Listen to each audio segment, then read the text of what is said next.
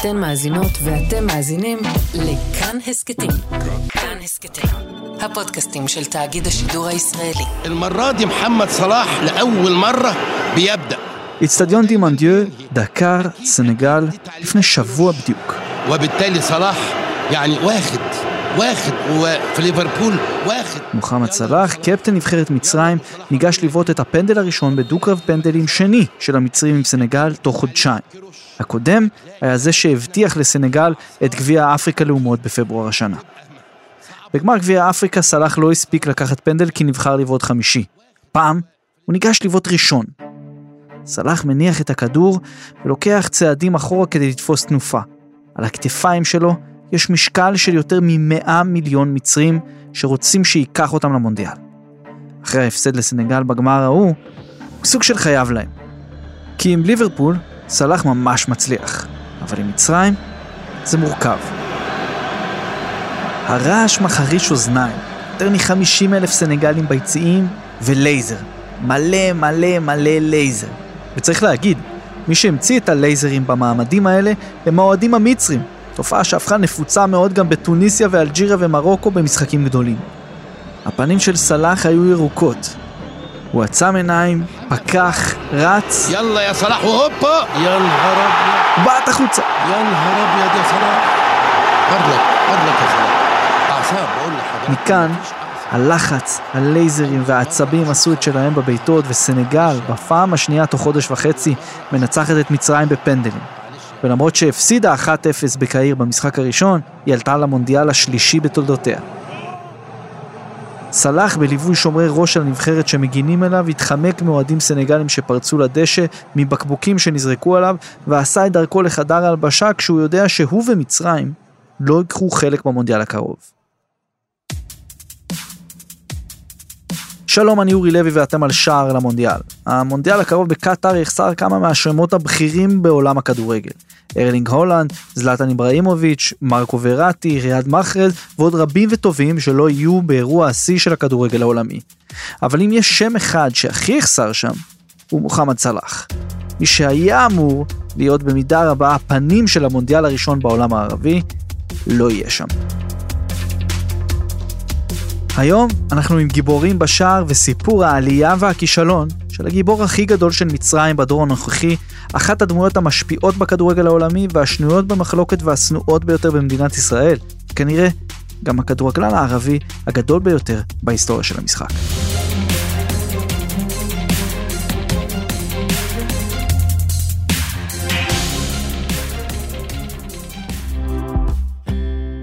חמש לפנות בוקר, שטיפת פנים, תפילה.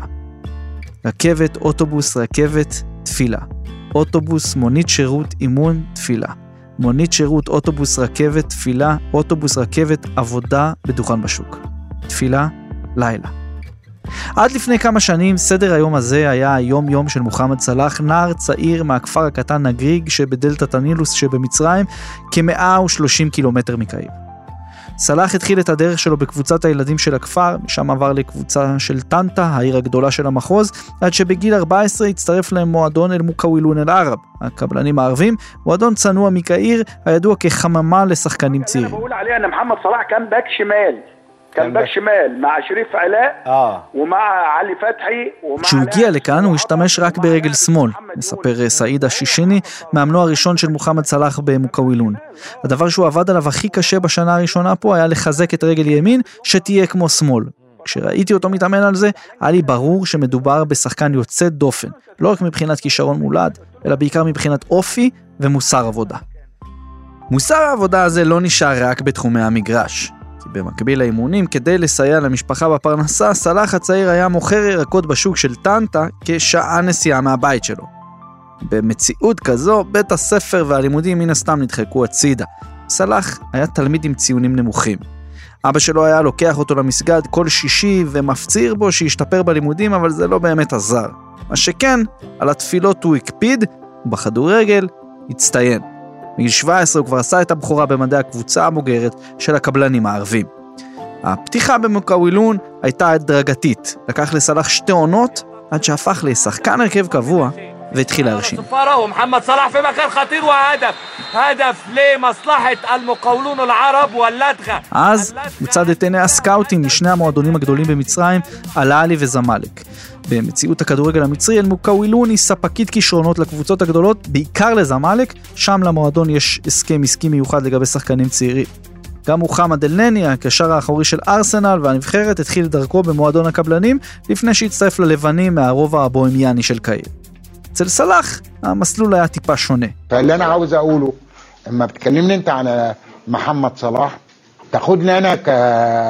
סלאח בהחלט מוכשר, אבל הוא דורש הרבה עבודה ושפשוף לפני שזמלק תרכוש אותו במיליון יורו או בחצי מזה.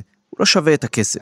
הוא מהיר אבל לוקה בטכניקה וחסרה לו אינטליגנציית משחק, אמר בדצמבר 2011 ממדוח עבאס, נשיא זמאלק דאז, במה שהפך לאחד מציטוטי הקלט האומללים ביותר בהיסטוריה של הכדורגל המצרי, ומוקד לבדיחות אינספור על שיקול הדעת המקצועי בזמאלק. אבל סלאח המשיך לעבוד קשה, לנסוע ברכבות ולהתפלל. ובדיעבד, הטעות הזו של זמאלק סללה את דרכו המהירה של סלאח לכדורגל האירופאי. היא ואסון נורא שקרה במצרים כחודשיים לאחר מכן. السعيدية الخالصة لجماهير بورسعيد من حقها ان هي تفرح بهذا الفوز فوز كبير على فريق النادي الاهلي אי אפשר להבין את הפריצה של סלאח מקצועית ותדמיתית בלי להבין את התפקיד ששיחק בה אסון פורט ב-1 בפברואר 2012 משחק באיצטדיון פורט סעיד בין אל-מסרי המקומית לאלעלי מקהיר הסתיים בניצחון 3-1 למקומיים, אבל בסיומו עשרות אוהדי אל-מסרי מצוידים בסכינים, מקלות וכל הבא ליד תקפו את אוהדי אלעלי בהתעלמות ספק סיוע של כוחות הביטחון במקום, דבר שהוביל ל-72 אוהדים ועוד שני שוטרים הרוגים ומאות פצועים. גופות, שחקנים שמנסים לבצע החייאה באוהדים ביציע, מאחורי השער ובחדר ההלבשה. גיהנום. את הרקע החברתי והפוליטי של האירוע וגם את שלל התיאוריות סביבו פירטנו לעומק בתחילת פרק 2 של שער שעסק בהרחבה בכדורגל המצרי. אבל המשמעות של אסון פורט סעיד עבור הסיפור שלנו הפעם היא שהאסון הזה הביא לעצירת הכדורגל במצרים לשנתיים. פשוט לא הייתה ליגה. וככה, ברגע אחד, סלאח שאז רק סומן בתור הדבר הגדול הבא של הליגה המצרית, למעשה נידון לחיסול הקריירה שלו. אלעלי וזמאלק לא יכלו לרכוש אותו, ועם ביטול הליגה, הסיכוי שלו לפרוץ היה קלוש. בדיוק אז, הוא קיבל את הזימון לנבחרת עד גיל 23, וכרטיס טיסה לשוויץ, שם מתקיים מחנה אימונים של המצרים לקראת אולימפיאדת לונדון. באותו מחנה, הנבחרת שיחקה נגד האלופה השוויצרית באזל, שגם התרשמה ממנו והחתימה אותו. ולמעשה, בנסיבות מצערות, אסון פורט סעיד הוא בין הדברים שאפשרו לסלאח לחתום באירופה כבר בגיל 19, לשחק ברמה גבוהה בגיל צעיר ולהתפתח למפלצת השערים שהוא היום. בדרך, הוא גם עבר בתל אביב.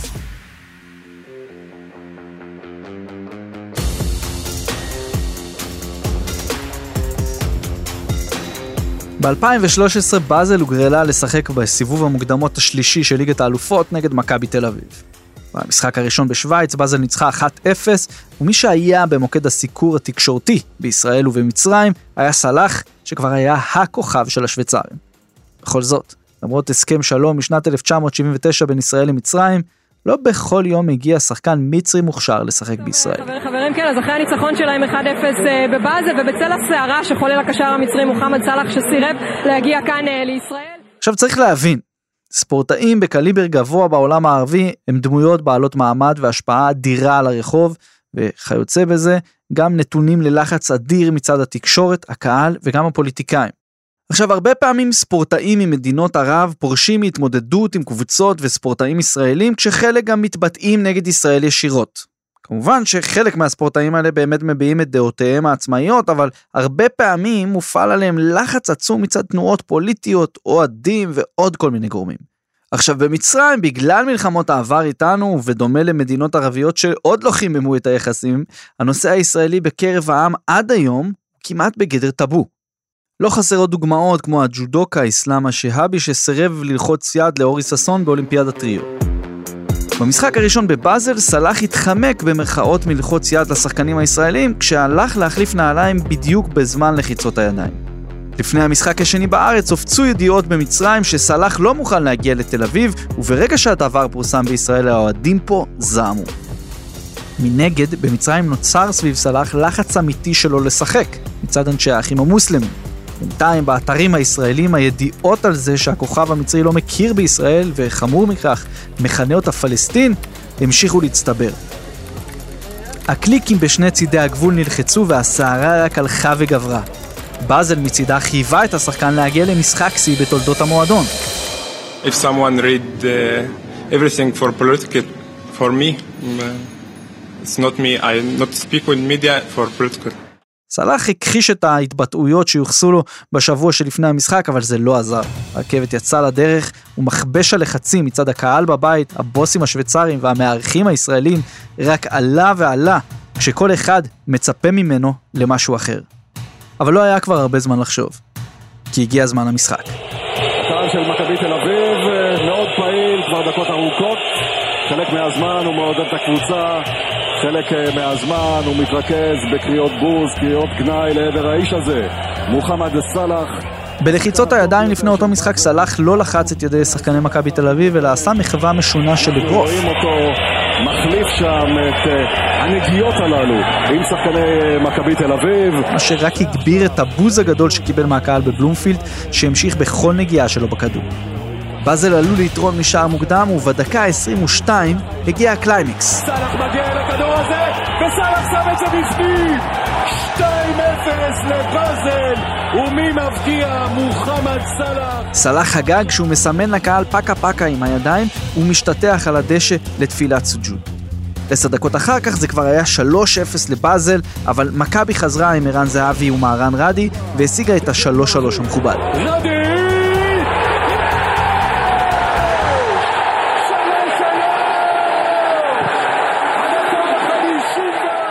זה היה הירואי, אבל הניצחון של באזל במשחק הראשון הכריע את ההתמודדות, ובאזל עלתה לשלב הבא. מבחינת סלאח, הביקור הזה הפך אותו לאחת הדמויות הכי שנואות בקרב אוהדי מכבי תל אביב, ואוהדי הכדורגל בישראל בכלל. אגב, מקורבים לשחקן טוענים עד היום כי הדברים שיוחסו לו על ההגעה לישראל לא נאמרו בכלל, וכי ספין מתוזמן, מכוון מצד גורמי במצרים על חשבונו, הוא שהדליק את האש, ושסלאח מצידו היה בסיטואציית אין ברירה. חלק בלתי נפרד מהמציאות במזרח התיכון בעצם. אבל אז זה כבר היה מאוחר מדי. הכותרות הלא מחמיאות שהמפגש הזה יצר הגיעו לשוויץ ומשם לאירופה, ויצרו לשחקן שם של אחד שמחפש צרות ומערב פוליטיקה בספורט. לעומת זאת, במצרים ובכל העולם הערבי, כשהוא רק בן 21, כבר קשרו לו כתרים כמושיע פלסטין, והיורש של מוחמד אבו טריקה. אבו טריקה הוא אולי הכדורגלן המצרי המפורסם ביותר, אמיר אל-קולוב, נסיך הלבבות הוא מכונה. סמל תרבותי ופוליטי המזוהה מאוד עם אל-עלי, אחד שתמיד הבליט את האג'נדה שלו, פרו-אסלאמית, פרו-פלסטינית ואנטי-ישראלית. בסיפור הזה, זו הייתה הפעם הראשונה שסלאח הפך להיות אישיות שההשפעה שלה יצאה מתחומי המגרש, וכיכבה גם בשדה הפוליטי ובתקשורת. זה, וגם ההשוואה הזו לאבו טריקה, עוד ירדפו אותו בהמשך.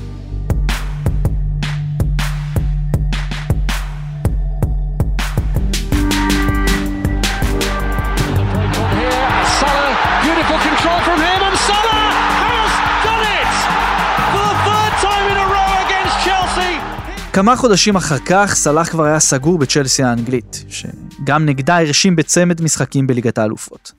גורמים המקורבים לעסקה העידו כי ההתבטאויות לפני המשחק בתל אביב הגיעו לאוזניו של מי שהיה אז הבעלים של הבלוז, האוליגרך היהודי רומן אברמוביץ', וכמעט פוצצו את המעבר.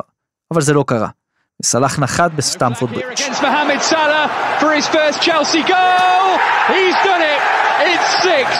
למרות הפתיחה המבטיחה, לצערו אז, אולי לצערה של צ'לסי כמה שנים אחר כך, זה לא היה זה. סלאח נאבק להשתלב בהרכב ואפילו בסגל, ולא הסתדר עם הדרישות ההגנתיות והקפדניות של המאמן ג'וזה מוריניו. הציפיות ממנו במצרים היו בשמיים, והוא לא הצליח לספק את הסחורה בהזדמנויות הבודדות שקיבל. במקביל, הוא גם הפסיק להתבטא בכלל בנושאים חמים מבחינה פוליטית. שום דבר. זאת למרות שבאותו זמן במצרים היה בלאגן, דיכוי ובעיות עם עלייתו של הגנרל עבד אל-פתאח א-סיסי לשלטון. כשראו שזה לא מתרומם, בצ'לסי החליטו לשלוח אותו בהשאלה לפיורנטינה האיטלקית. ובפירנצה, הוא חזר לכותרות. שוב שערים ובישולים, אבל גם עוד משהו. סלאח בחר את המספר הכי חשוב בכדורגל המצרי, 74, לזכר ההרוגים באסון פורט סעיד. ככה, הוא בן 22 בסך הכל, במצרים הוא הפך לקונצנזוס לאומי ואליל ענק. يلا سجل يا صلاح ادي امامنا محمد صلاح اعجاز ما يقدمه هو اعجاز ما يقدمه מפיורנטינה הוא עבר לרומא, שגם רכשה אותו אחרי שפרנצ'סקו טוטי הגדול התאהב בו. אבל זו הייתה עונת 2016-2017 שבה דברים קיבלו תפנית. סלאח הוביל את מצרים לגמר גביע אפריקה לאומות 2017 בגבון, וברומא הוא הפציץ 19 שערים ו-15 בישולים. אלו עשו את שלהם, ובקיץ נפל דבר. Today we still outside Liverpool. Uh, we are going now to Liverpool to do the first part of the medical test. A big day, and I'm very excited to do the test and to be a Liverpool player. ליברפול המתחדשת של יורגן קלופ החליטה לשים 40 מיליון יורו על השולחן ולהחזיר את סלאח לאנגליה.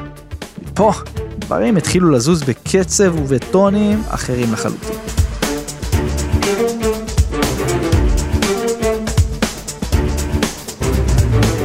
אפילו שהוא הפך לכדורגלן הערבי והאפריקאי היקר בכל הזמנים בזמנו, הרבה פרשנים מובילים לא התרשמו מההחתמה של סלאח בליברפול. צריך להגיד שרובם אפילו היו בטוחים שסלאח יהיה כישלון. סכום גבוה מדי עבור שחקן שאינו שובר שוויון, קשה לשחקנים מהמזרח התיכון להצליח באנגליה, ועוד כל מיני טיעונים כאלה נשמעו אז חדשות לבקרים. מעט מאוד היו שהאמינו שיצליח להשתלב בצורה מוצלחת בסגנון המשחק של קלופ, אבל גם אלו שכן, לא האמינו עד כמה ההשפעה שלו תהיה מיידית, תכליתית וחד משמעית. A debut goal for Mo Salah. בתווך גם בנבחרת דברים התחילו להתחבר. בנובמבר באותה שנה, כשהוא מבקיע פנדל מכריע נגד קונגו באצטדיון הבינלאומי של קהיר, סלאח לקח את מצרים למונדיאל ברוסיה. הראשון שלה זה 30 שנה. אמה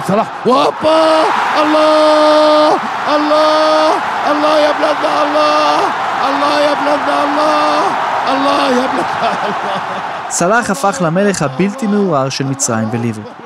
ככל שהעונה הראשונה הלכה והתקדמה והמשחקים הצטברו, סלאח המשיך להבקיע, ניפץ מדי שבוע שיאים חסרי תקדים, זכה בתארים אישיים, ובדרך לאחת העונות ההיסטוריות של שחקן יחיד באחד ממועדוני הפאר של אנגליה והכדורגל העולמי.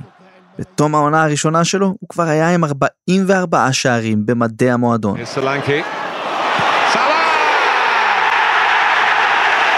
ההשפעה של סלאח הייתה כל כך חזקה, מהר מאוד האימפקט שלו כשחקן מוביל, אבל גם כערבי מוסלמי בפרמייר ליג, התחילה לתת את אותותיה.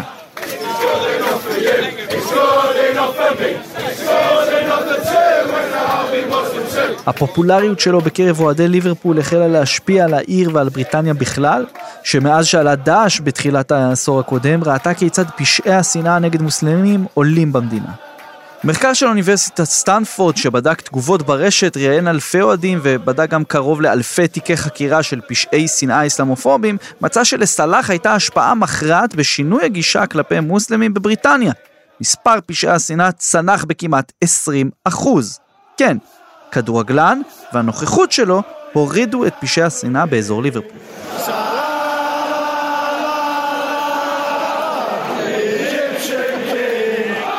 והשירים מהיציע עברו עיבוד מחדש, כמו השיר הזה של מרק קני, המלך המצרי.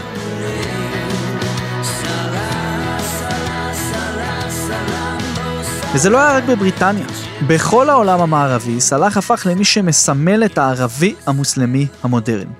ציורי קיר שלו החלו לצוץ מניו יורק ועד טוקיו. הוא הפך לאייקון, לסמל תרבות. אפילו בישראל ילדים התחפשו לסלאח בפורים. הוא גם החל להיות הרבה יותר מעורב בפעילות צדקה במצרים ובליברפול. באותה שנה הוא גם הפך לכדורגלן האפריקאי שתרם הכי הרבה כסף לצדקה. הוא סייע למאות משפחות עניות, הקים בית חולים ובית ספר בנגריג, הכפר שלו, והקים קרן למלחמה בשימוש בסמים במצרים, ועוד ועוד יוזמות כאלו. הכל היה נראה מושלם עבור סלאח, שגם לקח את ליברפול עד גמר ליגת האלופות מול ריאל מדריד, כשחקן המוביל של הקבוצה. אבל אז, בדקה ה-30, סלאח רץ לכדור עם בלם ריאל סרחיו רמוס, שליפף את היד שלו בזו של סלאח, והפיל אותו לרצפה בצורה מתוחכמת. זו הייתה חתיכת נפילה. סלאח פרק את הכתף בצורה קשה.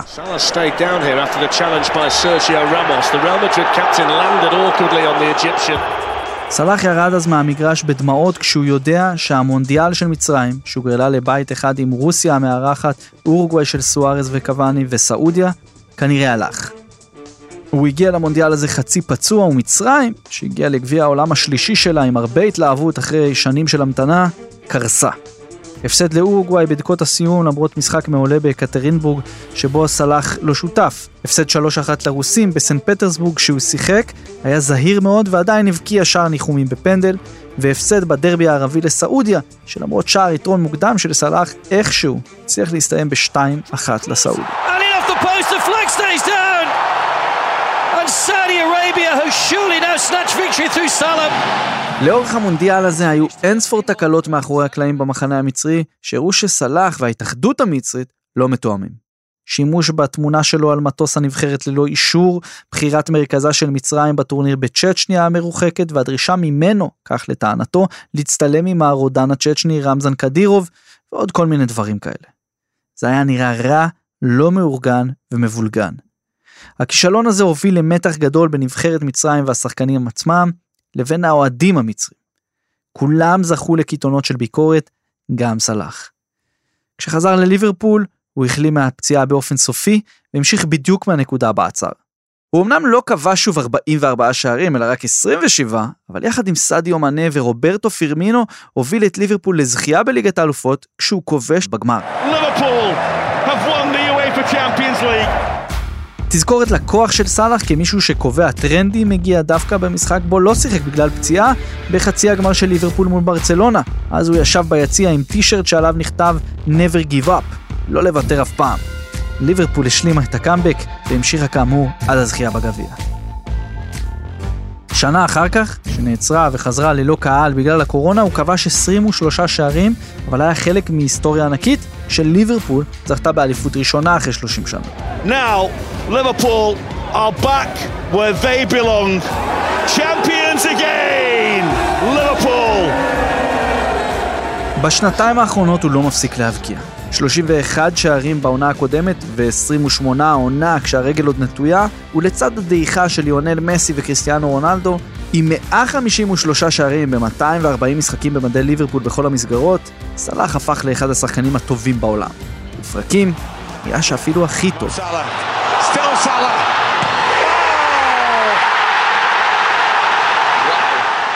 לאורך כל השנים האלו, הוא זכה באין ספור תארים אינדיבידואליים. שחקן השנה באנגליה, שחקן השנה באפריקה, רשימת 100 האנשים המשפיעים בעולם של מגזין טיים ומה לא. אין מה להגיד. סלאח הוא הכדורגלן הערבי הגדול בכל הזמנים, על המגרש ומחוצה. הוא הצליח להתגבר על הרבה מכשולים בדרך, לשבור אין ספור שיאים ולהשפיע על אנשים מכל רחבי העולם, ולהפוך לסמל של הכדורגל הערבי. אבל יש עניין אחד שהוא עדיין לא הצליח לפצח, ולדבר הזה קוראים נבחרת מצרים, וכל מה שבא עם זה.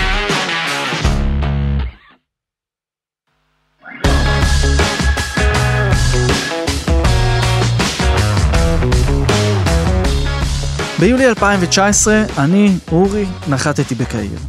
גביע אפריקה לאומות שוחק אז במצרים, ואני הגעתי לשלבי הנוקאוט יממה אחרי ההדחה של מצרים וסלאח משער בדקה ה-85 של טמביקוסי לורץ' מדרום אפריקה. What about that? The Cairo International Stadium stunned into silence. המצרים היו נראים גמורים. זה היה טורניר ביתי שלהם עם גביע שהם לא זכו בו מאז 2010, כשעוד נהנו מתור זהב אדיר בנבחרת, שזכתה בשלושה גביעי אפריקה רצופים, ואפילו ניצחה את איטליה בגביע הקונפדרציות ב-2009. שחקנים כמו חוסם גלי, וייל גומאה, עימד מטאב, היו השלד, ומעל כולם עמד מוחמד אבו טריקה. הרבה לפני סלאח, מוחמד אבו טריקה הוא הדבר הכי קרוב לאלוהים בכדורגל המצרי. סוג של מרדונה של ארץ הנילוס. בוטריקה! גול! בוטריקה! בוטריקה! בוטריקה! אבוטריקה היה כוכב על העלי שמעולם לא יצא לשחק באירופה. הוא ניחן בראיית משחק אדירה, מסירות מעולות ובעיטות מדויקות, והיה כוכב של מצרים בתור הזהב והקפטן של הלאלי ברגעים הקשים. הוא היה מבין אותם השחקנים שעשו מאמצי החייאה באוהדים באסון פורט סעיד. בנוסף לכל אלו, אבוטריקה מחזיק גם בתואר ראשון ושני בפילוסופיה, והוא תומך ידוע, דעתן וקולני של האחים המוסלמים, שלא מתבייש להביע את דעתו הפוליטית בכל מצב, לא פעם נגד ישראל ובלי להתחשב בהשלכות. התמיכה הזו באחים המוסלמים הובילה לזה שהוא הוגלה ממצרים ומוכר במדינה עד היום כטרוריסט. היום אפשר למצוא את אבו טריקה כפרשן ברשת בי-אין הקטרית, שמרבה להגיב על אירועים במצרים ובעולם הערבי בכלל. הצל שלו, כמנהיג העם על המגרש ומחוצה לו, מרחף מעל סלאח כל הזמן בהקשר של מצרים והנבחרת המצרית.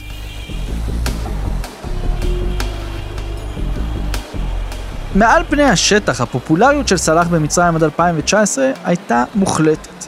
תמונות של סלאח הופיעו בכל מקום, במוניות, על קירות ברחוב, בחולצות שמישהו לובש או בדוכן חולצות מזויפות ברחוב. אבל בקיץ 2019, עוד לפני שהודחו מול דרום אפריקה בבושת פנים, התפוצצה בנבחרת מצרים פרשה שבה התגלה שאחד משחקני הנבחרת, עמר ורדה, מטריד נשים באינסטגרם בצורה תוקפנית ואלימה מאוד. כל מצרים דרשה את סילוקו מהנבחרת ודווקא סלאח ביקש להשאירו ואמר שהוא חשוב למאמצי הנבחרת לזכייה בתואר. וזו הייתה טעות. התקשורת המצרית והציבור המצרי רתחו מזעם. נבחרת של מטרידנים הם קראו לה, מונתחב אל מותחרישין, ואפילו שרקו לסלאח בוז באחד המשחקים. זו הייתה הפעם הראשונה באמת שהקהל המצרי הלך נגד סלאח, והתדמית המושלמת שלו כביכול בעיני ההמון החלה להיסדק. ההדחה המוקדמת של מצרים בטורניר ההוא כאמור רק נתנה את החותמת הסופית. סלאח לא מצליח עם הנבחרת, והוא גם לא כזה מושלם כמו שכל מצרים חשבה. הביקורת על סלאח ואי ההצלחה היחסית שלו עם הנבחרת הפכו לדיון קבוע בכל פעם שנבחרת הפרעונים משחקת, וההקבלה הקבועה היא למצב שבו מסי היה כישלון במשך הרבה מאוד שנים עם נבחרת ארגנטינה, עד שזכו בקופה אמריקה ב-2021. החודשיים האחרונים היו קריטיים מבחינת סלאח כדי לשנות ולשבור את הסטיגמה שדבקה בו על כל פעם שהוא שם את מדעי הנבחרת. עכשיו זה נכון, מצרים שיחקה עם מאמן שמשחק בשיטה הגנתית ומבוקרת כמו קרלוס קיירוש. איכות הסגל המצרי של היום לא דומה בדבר לסגל של תור הזהב מתחילת שנות האלפיים. אבל לסלאח ומצרים היו שלושה משחקים מול סנגל לשנות את זה, ולרשום הישג אחד שהיה משנה את המורשת של סלאח בנבחרת. או גביע אפריקה, או הפעלה השנייה ברציפות למונדיאל. אחד מהשניים, ואם שניהם, אז גם בסדר. אבל השחקן ששינה את איך שהכדורגל הערבי נתפס כיום בעולם, ששינה את היחס למוסלמים ברחבי העולם, שהפך לסמל תרבות וגיבור העם, לא הצליח. לא בגמר האפריקאי ולא בפלייאוף המונדיאל, והשיא היה הפנדל שהוא החמיץ, לעומת הפנדל הקובע והמנצח של סעדיו מנה, חברו לליברפול, אבל גם יריבו אמר ששוב הוציא את הסנגלים עם ידם על העליונה. מנה, מנה, מנה, הדף, חלאס, מברוק, חלאס, מברוק לסנגל. בתסריט מושלם, המונדיאל בקטאר היה אמור להיות רגע האמת של מוחמד סלאח.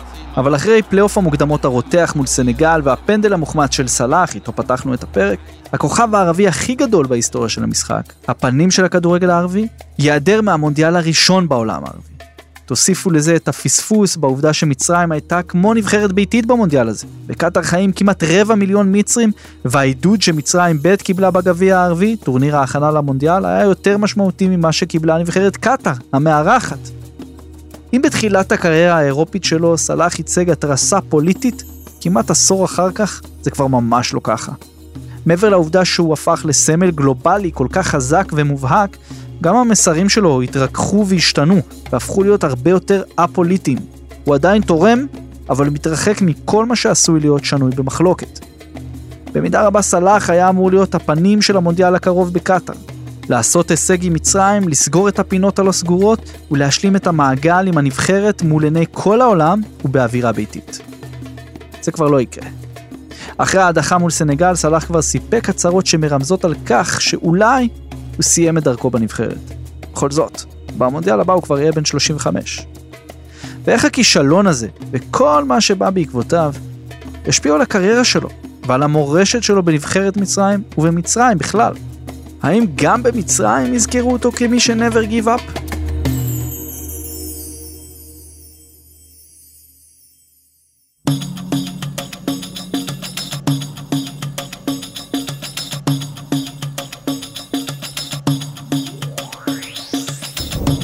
זה היה השער שלכם לכישלון של מצרים במוקדמות מונדיאל 2022 מול למוחמד סלאח, הכוכב הכי גדול של העולם הערבי, שלא יהיה במונדיאל הראשון במזרח התיכון.